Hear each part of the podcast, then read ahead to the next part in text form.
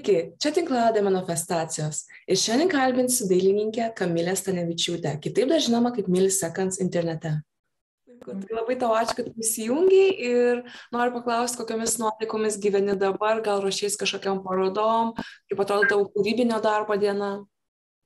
Um, šiuo metu aš gyvenu pakankamai ramiamis nuotaikomis.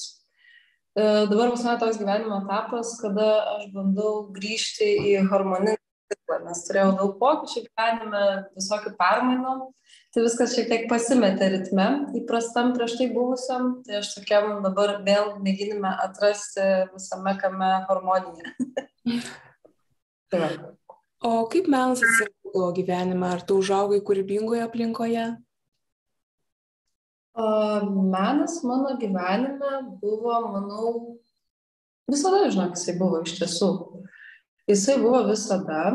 Mano mama visą laiką buvo be galo kūrybingas žmogus ir jinai akivaizdžiai tą matydama ir manyje labai smagu, kad tai skatino. Ir dėl tos priežasties aš tiesą pasakius, žinok, net savęs kitaip ir neatsimenu, niekada nekvestionavau, kaip gali būti kitaip, jeigu ne mes gyvenime. Tai aš taip iš tikrųjų augau labai nuo pat mažens kryptingai, būti tuo, kuo esu šiandien greičiausiai.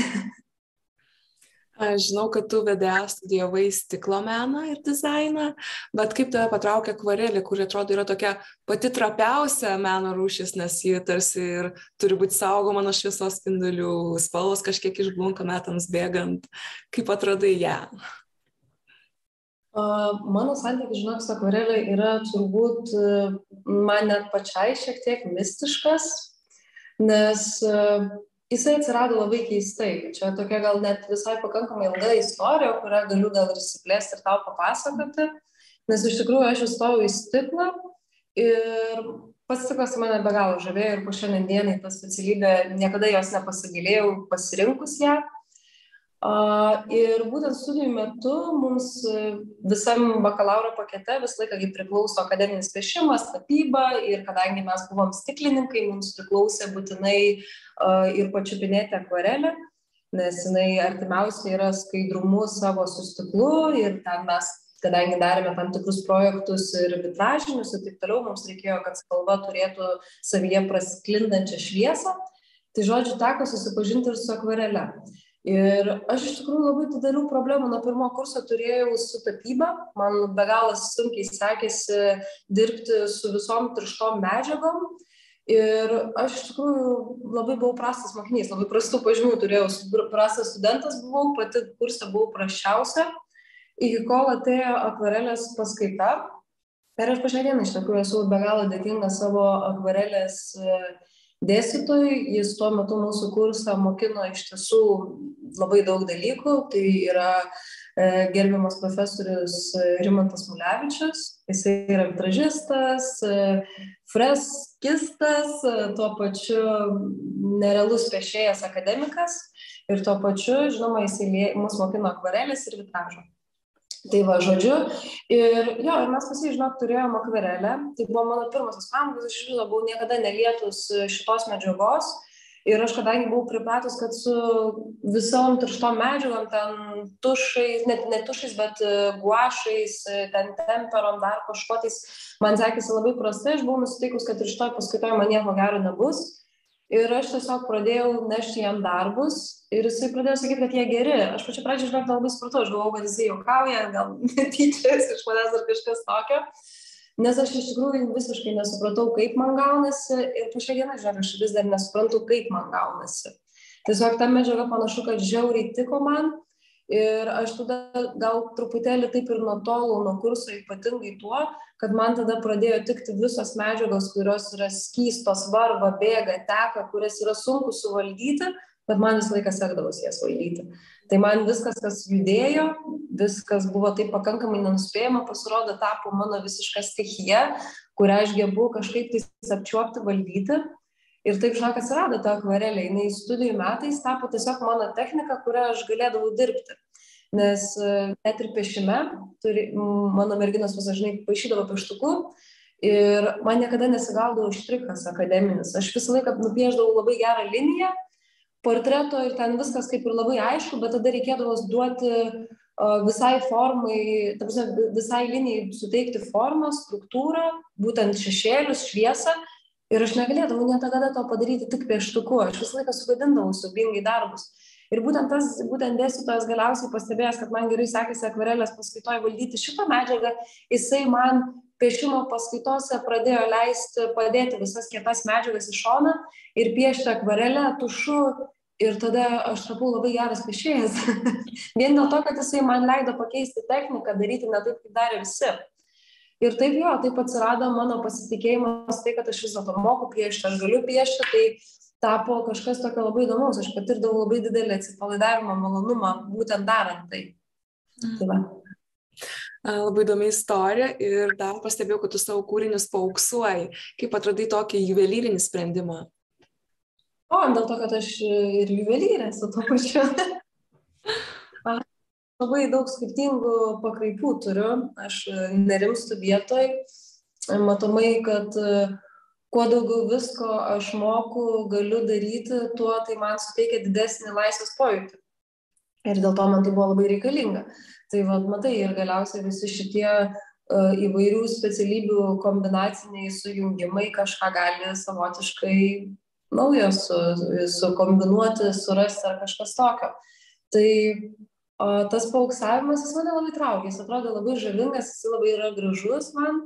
O, ne visada jį pavyksta perteikti būtent visam tam digital variante, skanuose, printuose ir taip toliau.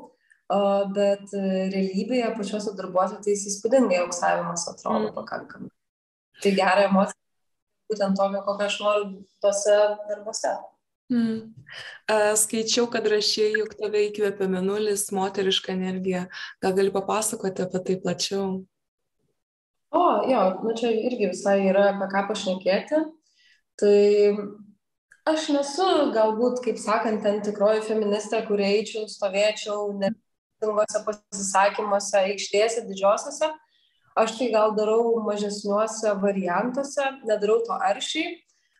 Mano pačios ideologijos yra tiesiog palaikyti, skleisti tai, ką, kuo aš galbūt pati, ką patiriu, ką, kuo pati gyvenu.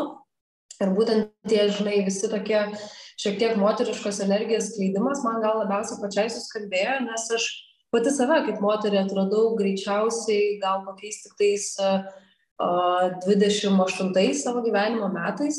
Iki tol visą laiką tokia jaučiausi, tokia gal šiek tiek berniukiška, nu, kažkokia pasiklydus pati savyje. O tada, kas atsirado toks momentas, kada pati pradėjau jausti savyje moteriškumą, pasitikėjimą, man pradėjo be galo noras m, aukti viduje, dalintis tuo su kitom merginom, moterimis, patirtimi ir tai galbūt skatinti vienokiais ar kitokiais būdais ir, ir kitose moteryse. Nes iš tikrųjų tenka pripažinti, kad uh, daugelis to stokoja dėl tam tikrų priežasčių. Aš nežinau, ar tai įtakoja vis dėlto mūsų greitai bėgantis gyvenimas, daug informacijos internete, besikeičiantis vaizdai ir taip toliau moteris išsigąsta būti moteriškom, nes tartum jos pradeda lyginti save su kitom moterimis ir taip toliau, ir tos įvairiausios dyvos ikonos, su kuriomis jos lygiuojasi, savočiškai prislapina jų individualybę, žinai. Ir man tai kelia pasipiktinimą, nes aš manau, kad kiekviena moteris yra be galo moteriška pati savimi moteriškumo aspektai gali būti įvairūs ir man tai buvo pakankamai ir yra, buvo ir manau bus pakankamai svarbi tema. Tai skatinti visą laiką drąsinti visas ir nebijoti būti savimi, mylėti save. Tai va, o patys visi menuliai, horoskopai, nes aš realiai dedikuoju menulį tam tikriems žvaigždynams horoskopo, kuriuose jis tuo metu yra. Tai jie irgi atėjo per ilgainių, nežinau, aš tam daug tokių visokių turiu įdomių momentų, kada iš didelio vedamo smalsumo savo gyvenime aš domiuosi įvairiais dalykais, kosminiai visi planetų, žvaigždynų, iš viso visatos judėjimai man yra vieni įdomesnių ir turbūt niekada iki galo neturintis galutinio atsakymo ir paaiškinimo, kur tu gali ten ieškoti ir niekada nerasti. Tai šita erdvė irgi pasirodė tokia, kur yra ką joje kurti, kur ieškoti ir manau vienai per kitaip kažką vis pabiškirasti. Tai man dėl to labai patiko ten apsistoti ir kurti, žinai, šitą ciklą dedikacijos būtent tam. O koks svarbus tau yra kūnus ryšys su parodų lankytojais, su kūrinių pirkėjais? Ar tave paliečia jų reakcijos, emocijos, kurias sukelia kūriniai? Mm, Šiaip iš tikrųjų, žinot, tiek labai daug kontakto su parodų lankytojais aš iš tiesų neturiu, nes realiai, nu, kad, kada tu patiri jį, tu patiri tada, kada žmogus ateina į parodos atidarimą, nes tu realiai kitu atveju pačioje parodoje jį nuolatos nestovi, nelaukia kiekvieno ateinančiojo. Tai, kaip čia pasakius, o, tai, bet, nu, parodos metu vis tiek daugiau vis vienaip ar kitaip susirenka visi žmonės, kurie kažkiek vienaip ar kitaip tau yra artimi, arba bent jau mėgsta tavo kūrybą, tai jau kadangi jie mėgsta, tai tu kažkaip su jais e, internetiniai plotmėje esi daugiau mažiau pažįstamas ir taip toliau. Bet e, gal ką žinau, gal, gal įdomiau būtų pasakyti, ką tenka šiaip rezonuojant pastebėti, kokius darbus labiau mėgsta įsigyti. Pavyzdžiui, aš pradėjau pastebėti tiesiog tokias tendencijas, kurios darbus nori įsigyti vyrai, o kuriuos nori labiau įsigyti moteris ir taip toliau. Tai Šiaip įdomu, dėl to, kad mano darbus, kaip būtų keista, labiau nori ant sienos kabintis vyrai, nors jie skirti tiek vyriškai, tiek moteriškai pusiai. Mm, nes aš manau, kad vyr, tiek vyrams moteriškos energijos labai stipriai trūksta, būtent moteriškos pusės negali, žinai, būti tas disbalansas begalinis, kad moteris yra be galo moteriška, vyras yra be galo vyriškas. Ir tie mano iš tikrųjų portretai, jie yra visiškai totaliai psichologiniai, jie yra skirti įvair, abiems lytims Bet va būtent jo, įdomus reikalas, kad renkasi labiau juos pirkti vyrai, matau, vyrams kažkaip patinka tos mano fatališkos moteris, kažkokios tokios nežemiškos ir taip toliau. O moteris jos mėgsta labai komentuoti ir apie tai kalbėti. Jos jaučiasi įkvėptos, bet ne visada ryštasi jos kabinti pas save namuose. Nors buvo keletas, kurios ryštasi tavo kūriniuose išvelgiu tolimas dailininko Gustavo Klimto inspiracijas, o kas tai iš tikrųjų įkvėpia, kas yra tavo autoritetai? Šiaip tai mano pačios autoritetas visą laiką buvo Šylė, jis yra akvarelistas ir piešėjas. Nuo studijų laikų aš be galo žavėjausi jo pulsuojančiam linijom, tokiam net keistom deformacijom, žinai, kūno galūnių spalvos būtent buvo parinktos tokios, mm, man patikdavo, kad jis nukrypdavo nuo realių spalvų, kad galėdavo ten, žinai, galūnės mėlynai gan gretom ar kažkas tokio, tai labai ekspresija. O, tai tai buvo visą laiką mano kažkoksai tam tikras kanonas tiek studijų metais, taip ir šiandien, jeigu taip iš tokių žinomiausių o, ir panašiai. O, Klimtas visai fainai, kad tu pastebėjai, kad jisai šiandien dienai uh, visai panašus į tai, ką aš darau, nes tiesą pasakius, aš pati pripažįstu, kad galbūt aš nukrypau labai pakankamai tokį sesecinį stilių, kuris pri, primena šiek tiek tos portretus ir, ir gal kai kada ten tas, tos plaukų manieros ir tas auksas ir tas visas pašnumas, jisai gal ir, ir, ir pulsuojantį, žinai, tą gyvybę savotiškai kažkokia, jinai turi būtent to klimto, tos secesijos. Žinoma, gal ne tiek puošni ir ne tiek maneringa, kiek pas jį, bet kažkas gal ir gali būti panašaus. Mm. Taip. O kaip tau, kaip jaunai menininkai, svarbu dalyvauti aktyviai menininkų veikloje asociacijos atžvilgiu? Tarkim, tu esi Lietuvos dailininkų sąjungos narė Kauno skyriaus. Ar tai tau svarbu, kaip manai, ar jaunam menininkui reikia stoti, dalyvauti? Mm.